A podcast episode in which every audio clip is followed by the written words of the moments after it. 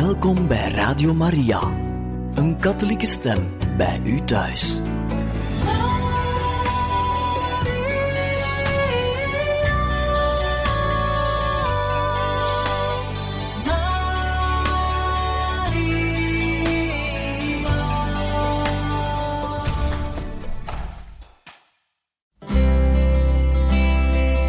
Welkom bij Boekat, een programma van Radio Maria.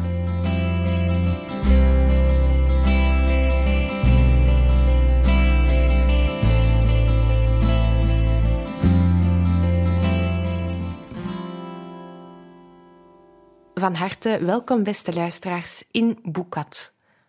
Momenteel lezen we uit een boek geschreven door Albino Luciani, de latere paus Johannes Paulus I, die in zijn tijd als patriarch van Venetië de ongewone opdracht had aangenomen om iedere maand een brief te schrijven aan een beroemde persoonlijkheid in de periodiek Messaggero di San Antonio. We lezen er nu verder uit. Aan Quintilianus. Marcus Fabius Quintilianus was een Romeins schrijver van Spaanse oorsprong. Hij leefde van ongeveer 35 tot 96. Hij woonde in Rome onder de keizers Vespasianus en Domitianus. Hij was advocaat, hartstochtelijk pedagoog en hij leidde een invloedrijke school voor welsprekendheid in Rome. Hij was ook de eerste redenaar die van de staat een stipendium kreeg. Zijn voornaamste werk is de Institutio Oratoria, een waardevol traktaat over de opvoeding van jongens. Andere tijden, ander onderwijs. Doorluchtige Quintilianus, u was een groot rechtskundige, een grootmeester in de welsprekendheid, maar vooral een groot en bezield opvoeder van jongens. Plinius de Jongere was een van uw leerlingen. Keizer Domitianus vertrouwde u de opvoeding toe van zijn neven, de zonen van zijn zuster Flavia Domitilla. Het eerste van de twaalf boeken van uw voornaamste werk, de Institutio, heeft van de middeleeuwen tot pas enkele jaren geleden als een standaardwerk gegolden. Ik heb het onlangs nog eens doorgebladerd en enkele van uw stelregels herlezen. De meester moet van een kind niet eisen wat alleen een jonge man kan opbrengen. Nog van een jonge man zoveel als verwacht wordt van een volwassene. Zeg hem, als hij goed geleerd heeft, je bent al iemand. En voeg eraan toe, het beste van jou gaat nu nog komen. Zo bemoedig je hem, stimuleer je hem en open je voor hem de wegen van de hoop. 2. Het is niet goed dat er één enkele meester is voor één leerling alleen. Als deze zich niet kan vergelijken met anderen, loopt hij gevaar zich te gaan overschatten. En de meester, indien geplaatst voor één enkele leerling, geeft niet het beste van zichzelf. In een klas met verscheidene leerlingen bloeien ambitie en wedijver, en dit stimuleert vaak meer tot de studie dan de aansporingen van de meesters en de smeekbeden van de ouders. 3. Het kritische denken past nog niet bij de allerjongsten. Het mag hun fantasie en creativiteit niet verdringen. 4. De meester zij niet te streng in het verbeteren van fouten, anders raken de meer bedeesden ontmoedigd, worden zij bang voor alles en durven zij niets meer te onderzoeken. De meest onstuimigen daarentegen worden kwaad en gaan leidelijk verzet plegen. Hij zij vaderlijk en hebben geen ondeugden, zo min als hij die mag tolereren. Hij zij streng, maar niet onbuigzaam. Welwillend, maar niet zonder beslistheid. Hij maken zich niet gehaat door hardheid, noch ongerespecteerd door slap optreden. En heel vaak spreken hij van wat goed en eerzaam is. Het herlezen van deze stelregels heeft mij vertederd, maar tegelijk verdrietig gestemd. Zo ver zijn uw regels verwijderd van die welke ik tegenwoordig in bepaalde moderne traktaten over pedagogie lees en hier en daar met instemming hoor verkondigen. Wist u, doorluchtige Quintilianus ten eerste, dat er tegenwoordig leraren zijn die reeds in de vierde klas van de lagere school uitweiden en maar blijven uitweiden over Vietnam, over Chili, over de Palestijnen? Waar het op aankomt, zo zeggen zij, is niet dat aan de kinderen kennis doorgegeven wordt die door anderen in het verleden werd verworven, maar dat zij leren discussiëren over de grote problemen van nu. Wedijver, drang tot prestatie ten tweede. Heden zijn dat verboden woorden. Zij zouden het individualisme bevorderen, de klassegeest, de meritocratie, het kapitalisme. Niet de stem van de enkeling moet tellen, maar die van de groep. Wat uw derde punt betreft, de kritische geest, dat is een van de dingen waar men zich bovenal om bekommert. De maatschappij wordt aan de leerlingen getoond in al haar ongunstige aspecten, soms nog opzettelijk aangedikt. En dan zegt men: Jongens, zie hier het doelwit, schiet erop. U vreesde het leidelijk verzet. Tegenwoordig kennen wij het protest op school en dat is allesbehalve leidelijk. Ten vierde, vaderlijke meester, laat u maar niet horen. Tegenwoordig maakt men jacht op het paternalisme. Men zoekt het in alle hoeken, men is er bang voor. Het geldt als synoniem voor onderdrukking, verdrukking en autoritarisme. Daarentegen zijn de grote modewoorden groepswerk, niet programmatisch onderwijs, collectief en democratisch beheer, verrijkt met allerlei raden en veelvuldige betogingen. Als u na 19 eeuwen terugkomen zou om te onderwijzen, beste Quintilianus, zou u heel wat herscholing, heel wat aggiornamento nodig hebben. Niet dat alles slecht is. De vier punten die ik, tezamen met de andere slogans, tegenover de vier van u gesteld heb, bevatten extremistisch gekleurde oplossingen. Er bestaan echter tussenposities die ook u misschien niet zouden mishagen en waarmee uw stelregels zich, met een beetje aanpassing, best zouden laten verenigen. Goed is bijvoorbeeld het groepswerk dat u niet kende. In de groep, verondersteld dat zij goed functioneert, is er niet enkel het gegeven van drie, vier, vijf koppen die men kwantitatief kan optellen, maar is er een nieuwe stimulans die op een, ieders denken werkt en zijn invloed doet gelden. Ik zoek te begrijpen wat de andere al heeft begrepen. Zijn licht steekt in mij een nieuw licht aan, dat op zijn beurt hem weer helpt, of ook een derde of een vierde. Tevens zet het groepswerk mij aan om niet alleen receptief, maar ook actief te zijn. Om mezelf te zijn in het leren, om mijn gedachten tegenover de anderen te uiten en ze te uiten op een originele manier. En dit niet alleen. Er komt een uitwisseling van ervaringen tot stand die de anderen en mij verrijkt. En bij die uitwisseling worden de loyaliteit en de belangstellende voorkomendheid jegens anderen bevorderd. Dit nu sluit het onderricht van de meester niet uit, maar veronderstelt het. Want het afhankelijk zijn is normaal voor de menselijke geest die de waarheid niet schept, maar enkel voor haar moet buigen, van welke zijde zij ook komt. Als men geen gebruik maakt van onderricht door anderen, verdoet men veel tijd met het zoeken naar waarheden die reeds gevonden zijn. Het is niet mogelijk steeds weer ontdekkingen te doen. Dikwijls is het voldoende zich kritisch op de hoogte te stellen van de reeds gedane. En tenslotte blijft de dociliteit, de bereidheid om van een ander te leren, nog altijd een nuttige deugd.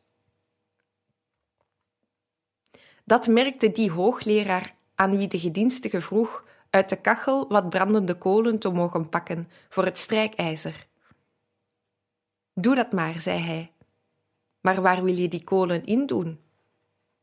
Hier, antwoordde de gedienstige en hield haar hand op. Ze deed er wat koude as in, deponeerde daar de gloeiende kolen, bedankte en ging weg. Wel, zei de hoogleraar, met al mijn wetenschap, maar dit wist ik niet. Men moet ook niet geloven dat men, luisterend naar een meester, louter passief en receptief blijft. De scholieren, in zover echte leerlingen van de waarheid, zijn niet zoiets als wij de soep komen om de bonensoep op te vangen die de meester erin schept, terwijl hij flink met de pollepel van zijn eruditie roert. Dante, Leonardo en Galileo bleven aan de voeten van de katheder niet maar zitten, en Sint Thomas toont dat hij de leerlingen goed op de been wil hebben, wanneer hij zegt: De meester beperkt zich ertoe de leerling te bewegen, te stimuleren. En alleen als de leerling zowel tijdens als na de uiteenzetting van de meester deze stimulans beantwoordt, gaat hij werkelijk iets leren. Overigens, wat is beter? Deel hebben in de grootste ideeën van anderen of uitvinder zijn van eigen povere ideeën? Pascal heeft gezegd: Als men op een anders schouders klimt, zal men meer overzien dan die ander, ook al is men zelf kleiner dan hij. Mooi en lofwaardig is de aandacht voor de zwakkeren. Die kan echter wel verwezenlijkt worden zonder dat elke vorm van competitie achterwege blijft. De school bereidt voor op het leven, dat ook van ongelijkheden aaneenzit. De sport die de jongeren zo aantrekt, wat zou ze zijn als er geen kamp en wedijver bestonden? Een school zonder eerste en zonder laatste is niet realistisch, noch ook prettig. Zij lijkt te veel op een kudde schapen. Don Bosco zag deze zorg voor de jongens dan ook anders. Ik geloof, schreef hij, dat het de plicht van elke leraar is rekening te houden met de minder begaafden van de klas, ze vaker te ondervragen dan de anderen, voor hen de uitleg langer voor te zetten, te herhalen en herhalen totdat ze het begrepen hebben, opgaven en lessen aan te passen aan hun bevattingsvermogen. Om tegelijkertijd de vluggere leerlingen op nuttige wijze bezig te houden moet men voor hen extra opgaven en lessen invoeren en daarbij punten geven voor vlijt. Men moet de zwakkere leerlingen niet verwaarlozen, maar hen vrijstellen van minder wezenlijke leerstof. De hoofdvakken dient men echter geheel aan hen aan te passen. Misschien bent u het er ook mee eens dat de school in het verleden met de programmatische leerstof wel wat overdreven heeft verbuigingen, paradigmata, regels, uitzonderingen, oefeningen en een eindeloos aantal vertalingen. De geschiedenis, zoals in de leerboeken weergegeven, leek mij destijds een distillaat van het rumoer. Helemaal bestaande uit jaartallen, oorlogen, vredesverdragen, internationale akkoorden.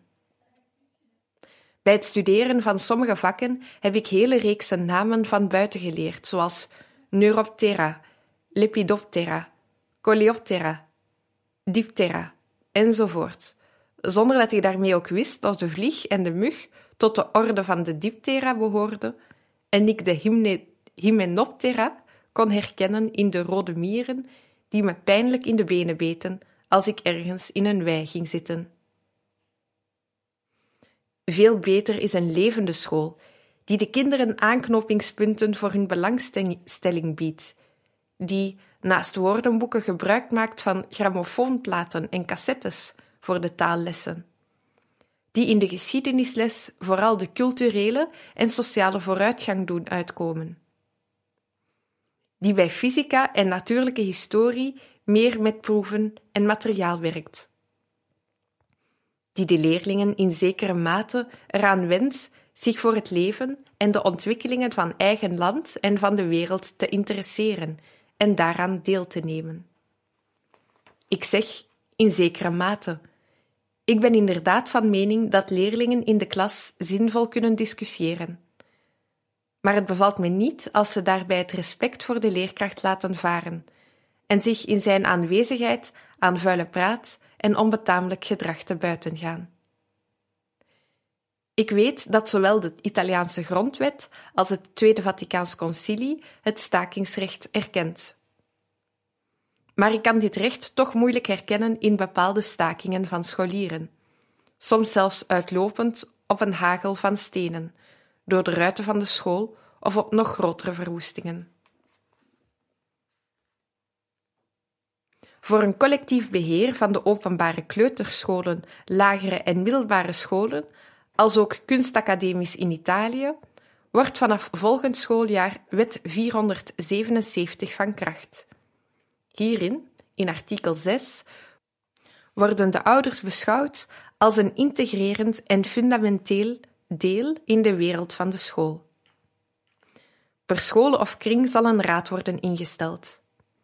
Daarin zullen vertegenwoordigd zijn het onderwijzend personeel, het overige schoolpersoneel, de ouders van de leerlingen en de directeur ofwel de voorzitter van de school. De raad zal voorgezeten worden door een van de ouders, gekozen onder de leden van de raad zelf. Ook zullen er ouders zitting hebben in de tuchtraad van de leerlingen en in de raden van afzonderlijke klassen of van enige klassen samen. Het is een ware verovering, doorlucht Quintilianus. De ouders worden langs officiële weg medeverantwoordelijk binnen de school. Maar zijn zij allen voldoende voorbereid om geconfronteerd te worden met de onderwijsproblemen? En zullen zij in staat zijn zich alleen door de belangen van de kinderen te laten leiden en elk partijpolitiek belang buiten de school te houden? Nu de politiek als zeer fijn stof overal doordringt, tot in de longen. En de ruime bevoegdheden tot overleg die door artikel 6 aan de ouders worden toegekend, zullen zij niet verijdeld worden door de vrijheid van onderricht, die sommige leraren al aan het opeisen zijn, zich beroepend op artikel 4? Als leraren en meesters te veel vrijheid hebben om te onderwijzen wat hun goed lijkt en hun bevalt, vaarwel dan vrijheid van de ouders? Het Italiaanse onderwijs staat voor een keerpunt in de historie.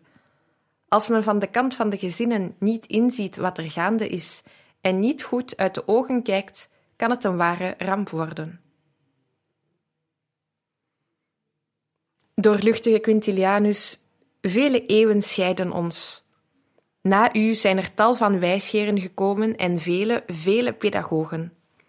De humanistische, klassieke cultuur, die de uwe was, is nu verdrongen door de natuur- en menswetenschappen die het tijdperk van atoom en techniek beheersen.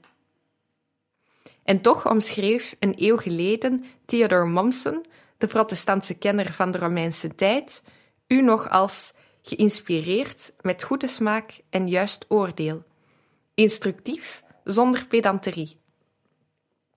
En nog maar vijftig jaar geleden erkende Concetto Marchesi, een communist, uw cultuur als die welke de geest vormt. Ik koester de wens dat niet alle elementen van de klassieke opleiding uit het onderwijs verdwijnen en dat uw meest vermaarde stelregels de opvoeders zullen blijven beïnvloeden. Deze ene zou al voldoende zijn. Non multa, sed multum. Dat wil zeggen, in het onderwijs niet vele zaken, maar wel diepgaand. Don Bosco herhaalde dit op zijn manier toen hij schreef: Veel doet hij die weinig doet, maar dat doet wat hij doen moet. Niets doet hij die wel veel doet, maar dat wat hij doen moet, laat. Veel dus en grondig, echter zonder omslachtige overdrijvingen à la Anatole France. Voor wie een olijf ten volle wil savoureren, had deze het onderstaand recept. Stop hem in een leeuwerik. Doe die in een duif, de duif in een kip, de kip in een speenvarken, dit in een nuchter kalf en het geheel bruin braden aan het spit. De beste sappen van het kalf, vermengd met die van het speenvarken, van de kip, van de duif en van de leeuwerik, zouden zo tenslotte afgedropen zijn op de olijf en deze tot de allerverrukkelijkste delicatesse gemaakt hebben.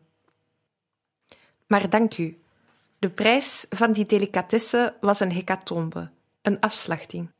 Het is geen hecatombe van waarde, wat u met uw multum bedoelde en wat wij onze scholen toewensen.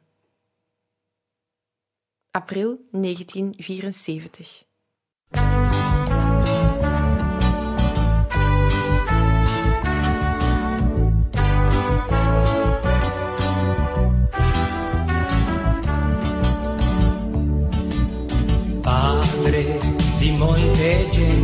padre, il nostro grido ascolta il canto della vita.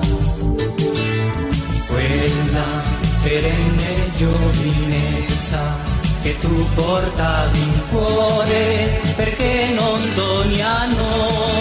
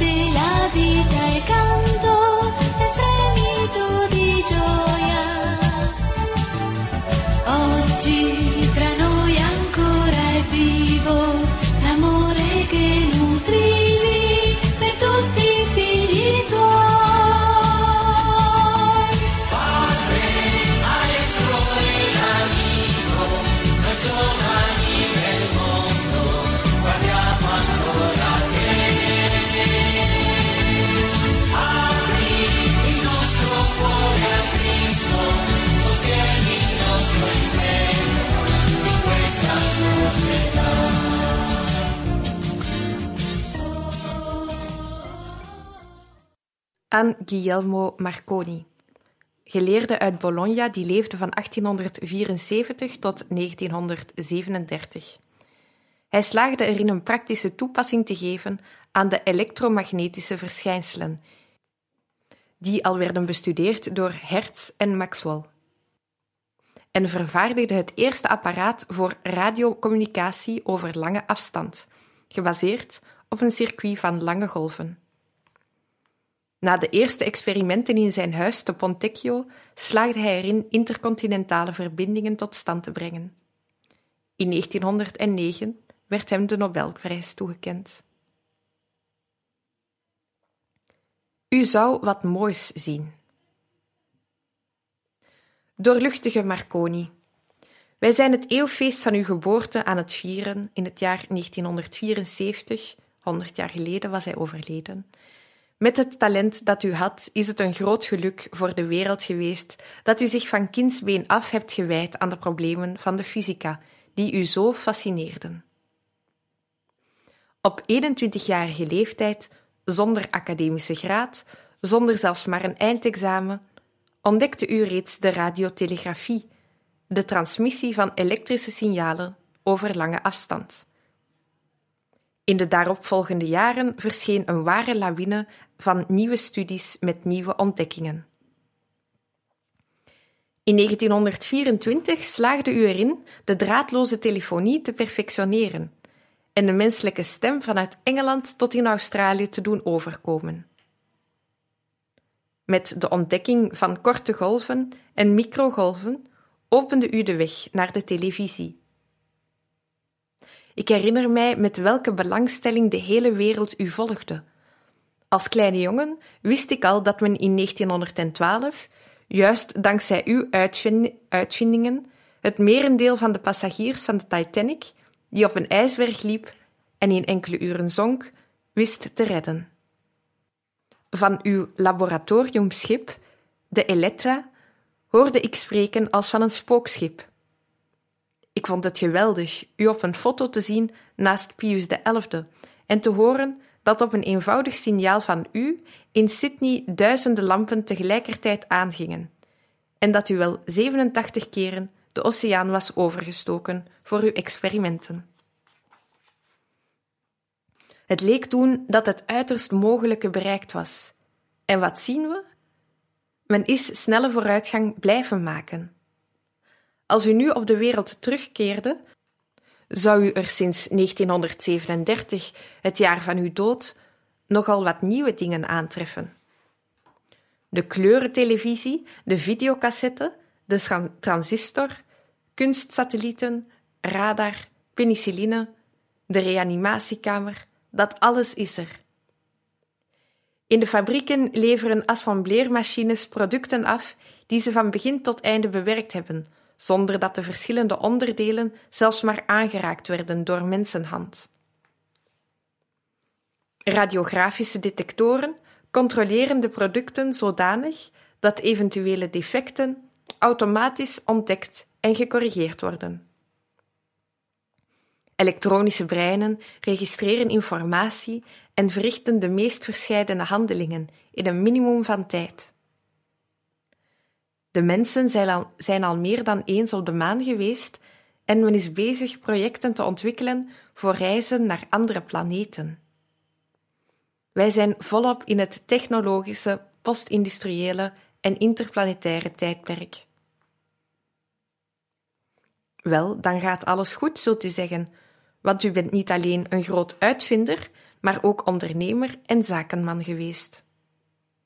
Hier moet ik onderscheid maken. Vele zaken lopen uitstekend, maar beginnen tot gevaarlijke consequenties te leiden. Ze zouden daarom gecorrigeerd moeten worden en beter gekanaliseerd. Zo heeft Paulus 6 gesproken van volkeren van de honger, die heden op dramatische wijze de volkeren van de overvloed ter verantwoording roepen. En van de verontwaardiging der armen met haar onvoorzienbare gevolgen. De situatie is namelijk deze. In een derde van de wereld is er buitengewone overvloed en schaamteloze verkwisting. In twee derden van de wereld is er een ellende die steeds groter wordt.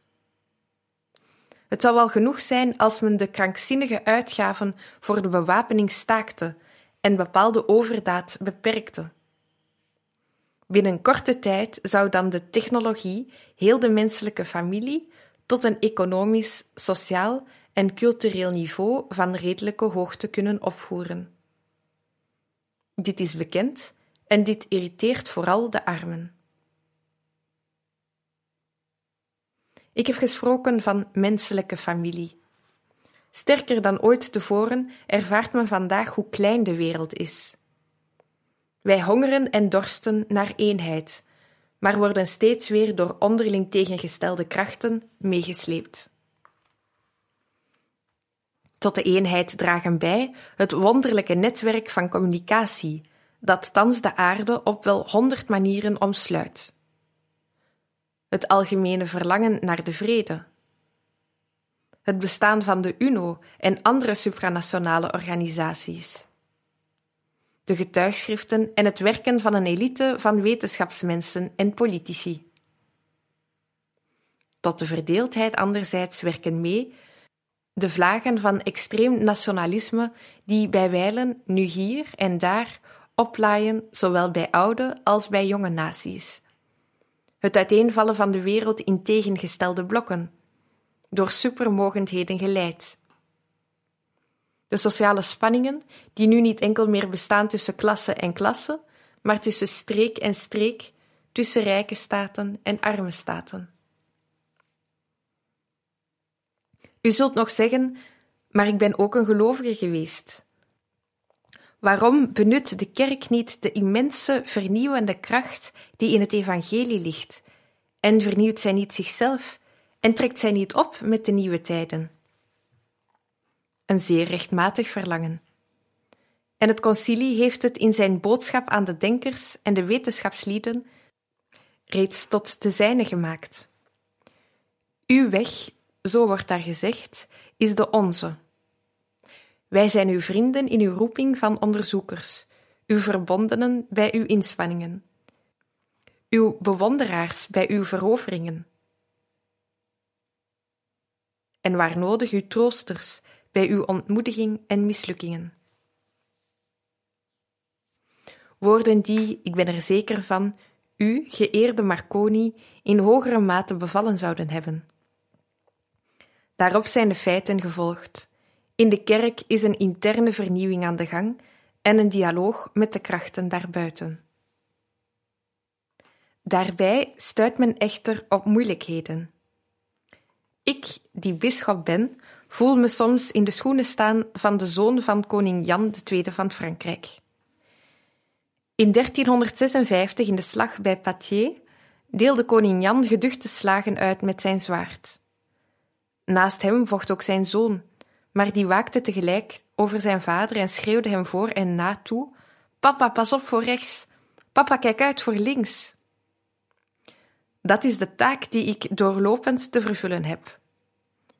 Zo bijvoorbeeld wenst de kerk gevolg te geven aan de uitnodiging van onze priester-wijsgeer Rosmini om verheven te denken over God. Hiertoe dienen waardige liturgische vieringen, waarbij het begrip God ontdaan wordt van de soms naïeve en voor ons begrip karikaturale voorstellingen, waarmee eertijds een voorwetenschappelijke agrarische beschaving het had omkleed. Maar het valt niet gemakkelijk. Van rechts komen luide protesten tegen goddeloosheid en heiligschennis, telkens als een vroegere rite wordt verlaten voor een nieuwe. Van links daarentegen worden naar willekeur vernieuwingen om de vernieuwing doorgevoerd. Is men vrolijk bezig heel het bouwwerk van het verleden te ontmantelen en schilderijen en beelden naar de zolder te verwijzen. Ziet men overal afgoderij en superstitie. Komt men ertoe te zeggen dat men, om de waardigheid van God te redden, over hem moet spreken in de meest uitgelezen termen of anders helemaal over hem moet zwijgen. Doorluchtige Marconi, op het gebied van de wetenschap vereiste u terecht de fysische en mathematische zekerheid. Op andere gebieden stelde u zich echter tevreden met de zekerheid van het gewoon gezond verstand, die ook een zekerheid is. Ik weet best dat ik over God niet kan spreken op de manier waarop Hij het verdient. Maar ik moet toch op een of andere manier over Hem spreken. Ik doe, zoals de moeder die opgesloten in een gevangenis zonder vensters een zoon baarde, die met haar opgroeide zonder ooit de zon te zien. Om toen hij zes jaar was, hem er toch enig idee van te geven wees de moeder hem op de lantaarn die de gevangenisbewaker had aangestoken. Kijk, zei ze, de zon is als deze vlam. De vlam geeft licht, verwarmt, maar de zon is veel, veel groter. Dat was weinig, een analogie, maar het was beter dan niets. Op sociaal en economisch gebied ondervindt de kerk ook moeilijkheden om haar bijdrage te leveren. Als kerk echter verklaart zij nog de opdracht, nog de bevoegdheid, nog de middelen te hebben tot oplossing van de strikt technische problemen. De gelovigen, die tevens burgers zijn, moeten in de wereld van maatschappelijke organisaties, politiek en bedrijfsleven optreden, daarbij geïnspireerd door het eigen godsdienstig geloof. De kerkelijke hiërarchie houdt hun en allen een sociale leer voor, afgeleid uit de principes van het evangelie. Een leer die zich vandaag een weg moet banen tussen de tegengestelde ideologieën van kapitalisme zowel als marxisme. Het eerste heeft de verdienste de industriële ontwikkeling te hebben bevorderd en de persoonlijke vrijheid te verdedigen.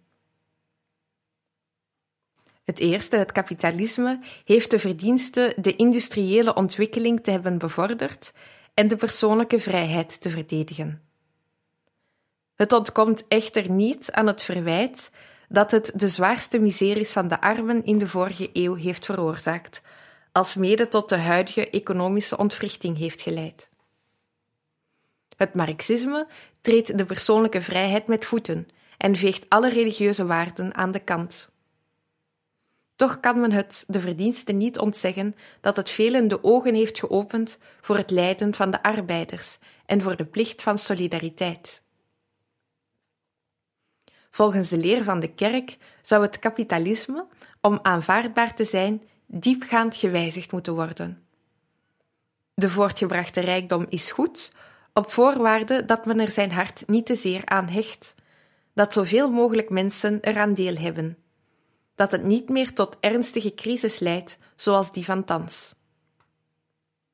Het winststreven is alleen goed als het zich bedient van rechtvaardige middelen, dat wil zeggen, zonder daarbij de waardigheid van het individu op te offeren. Ook de concurrentie kan goed zijn, mits zij niet ontaart in meedogenloze strijd, waarbij niets ontziend wordt toegeslagen. De kerk moet, naar het voorbeeld van Christus, allen liefhebben, maar bij voorkeur de armen en meest misdeelden met haar liefde omringen. Wat het marxisme betreft, dit probeert tegenwoordig in de katholieke gelederen door te dringen met behulp van een subtiel onderscheid. De analyse die Marx van de maatschappij maakte, zo zegt men, is één zaak. Iets anders is de ideologie die Marx heeft geleid. De analyse is een strikt wetenschappelijke zaak, verhelderend, nuttig om problemen op te lossen. En wij aanvaarden haar. De materialistische ideologie daarentegen verwerpen we. Over deze voorstelling van zaken maakt de kerkelijke hiërarchie zich zorgen. Wij weigeren, schreef het Frans episcopaat op 14 november 1973, het wetenschappelijk karakter te aanvaarden van een analyse, die in feite steunt op een aantal filosofische postulaten deels betwistbaar, deels onaanvaardbaar. Paulus VI had reeds gewaarschuwd in Octuagesima Adveniens nummer 34. Het zou zelfbedrog zijn, het zou gevaarlijk zijn de elementen van de marxistische analyse te aanvaarden zonder hun verband met de ideologie te onderkennen. Misschien, doorluchtige Marconi, zult u me voorhouden u schrijft mij een brief in een zeer bescheiden literair genre, maar wat haalt dat uit tegen reuzen als het kapitalisme en het marxisme? U hebt gelijk, maar wat wilt u? Men moet roeien met de riemen die men heeft. De bijdrage van de kerk tot de eenheid in de wereld omschrijft Paulus VI als volgt. Als deskundige in zaken menselijkheid biedt de kerk, zonder de pretentie zich in de politiek te mengen, datgene aan wat haar eigen is. Een visie op mens en mensheid als geheel. Deze visie heeft haar wortels in de Bijbel. Die toont dat alle mensen op weg zijn naar dezelfde bestemming, gered door een zaligmaker, die zich met heel het menselijk geslacht solidair heeft verklaard, bekleed als hij was met de zending om alles met zich te verzoenen wat op aarde is en in de hemel. Jonas uit het Oude Testament vindt niet dat hij de voorrechten van zijn volk met andere volken moet delen. Oostwaarts gezonden om te prediken in Nineveh, probeert hij westwaarts te vluchten. Daar de Ninivieten geen Joden zijn. Door een storm op zee en een verzwelgende walvis brengt God hem terug naar het oosten. Terwijl hij tot de Ninevieten preekt, wenst hij zichzelf toe dat hij zich dat zij zich niet bekeren. Het tegendeel gebeurt. Zij bekeren zich wel. God vergeeft hun, en Jonas, als een kind dat zijn zin niet kreeg, beklaagt zich bij God. Ik wist het, Heer, altijd laat je je tot medelijden stemmen, ook dit gepeupel vergeef je. Maar God geeft hem een les in universeel denken, met subtiele humor, maar met niet minder onverbiddelijkheid. Buiten de stad gekomen, maakte Jonas zich uit de takken een schuilplekje klaar tegen de hitte. En God helpt hem een handje, door in allerhaast een klimopplant te laten opschieten, die hem schaduw boven het hoofd geeft. Jonas slaapt tevreden in, maar ochtends bemerkt hij dat de plant is verdord en voelt hij de zon op zijn hoofd steken. Hij klaagt opnieuw, maar God antwoordt hem: Wat? Je bent bekommerd om een plant die je geen enkele moeite gekost heeft en die in één nacht is opgegroeid en in één nacht is verdord. En ik zou niet bekommerd moeten zijn om Nineveh, een stad met 120.000 inwoners die het onderscheid niet kennen tussen hun rechter en hun linkerhand. Deze universalistische zienswijze, die heel duidelijk ook spreekt uit de profetieën van Jesaja, Micha en enkele psalmen, wordt volledig overgenomen door Jezus. Naar zijn kribbe komen met de herders ook de niet-Joodse wijzen. Hij begunstigt en prijst ook de Canaanitische vrouw en de Romeinse honderdman. De zending die door Christus aan de apostelen wordt toevertrouwd, is in deze ondubbelzinnige, ondubbelzinnige termen gesteld. Gaat en maakt u alle volkeren tot leerlingen, zodat Sint Paulus het goddelijke heilsplan als volgt kan samenvatten. In Christus alle wezens onder één hoofd brengen, die in de hemel zijn en op aarde, zo schrijft hij in de brief aan de Efeziërs. Geheel in de lijn van de Bijbel hebben de laatste pausen de zaak van de eenheid en de vrede warm bepleit. Paulus VI in het bijzonder heeft ook wegen bewandeld die tot dan toe ongekend waren, zoals het toespreken van de vergadering der Verenigde Naties, het verzenden van telegrammen, zelfs aan staatshoofden van communistische landen, het aanbieden van zijn bemiddeling. U zult zeggen, met welke resultaten? Of zijn minst is er dit resultaat: dat een overtuiging werd uitgedragen en verbreid. Een nieuw klimaat werd geschapen. Een kentering zich begint af te tekenen. Met een verwijzing naar de historie zou ik zeggen dat we van de mentaliteit van Gian Galeazzo Visconti aan het overstappen zijn naar die van Petrarca. De eerste kon, naar de stijl van de heren uit de Renaissance, zich geen regering indenken zonder oorlogsvoering als vast bedrijf. En hij ging zelfs zo ver dat hij de priesters verbood in de mis de woorden Dona nobis pacem, Heer geef ons de vrede, te zeggen. De tweede hield er een diametraal tegengestelde mening op na en vertelde over een gesprek tussen hem en een gek. Deze had, toen hij soldaten zag marcheren, aan de dichter gevraagd: Waar gaan die heen? Naar de oorlog, had Petrarca geantwoord. Maar, zo merkte de gek op, die oorlog moet op een goede dag toch eindigen in een vrede, ja of nee? Ja, zeker, beaamde de dichter. Maar, zei de gek weer, waarom dan niet meteen vrede sluiten zonder een oorlog te beginnen?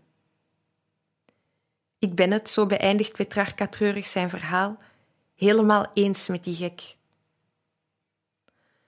Als het God belieft, ziet het er naar uit dat iets van deze goede dwaasheid zich aan het verspreiden is in alle hersenen, mede dankzij de kerk. Doorluchtige Marconi, uw zeer intens leven, tot de laatste dag toe geleefd in dienst van de wetenschap en haar toepassing, laat zich samenvatten onder dit motto: Weinig woorden, vele daden. Ook in dat opzicht leert u iets aan onze generatie, die naar het tegengestelde lijkt over te hellen. Een overvloed van woorden, zij het geschreven of gesproken, en een nijpend tekort aan praktische resultaten. Juni 1974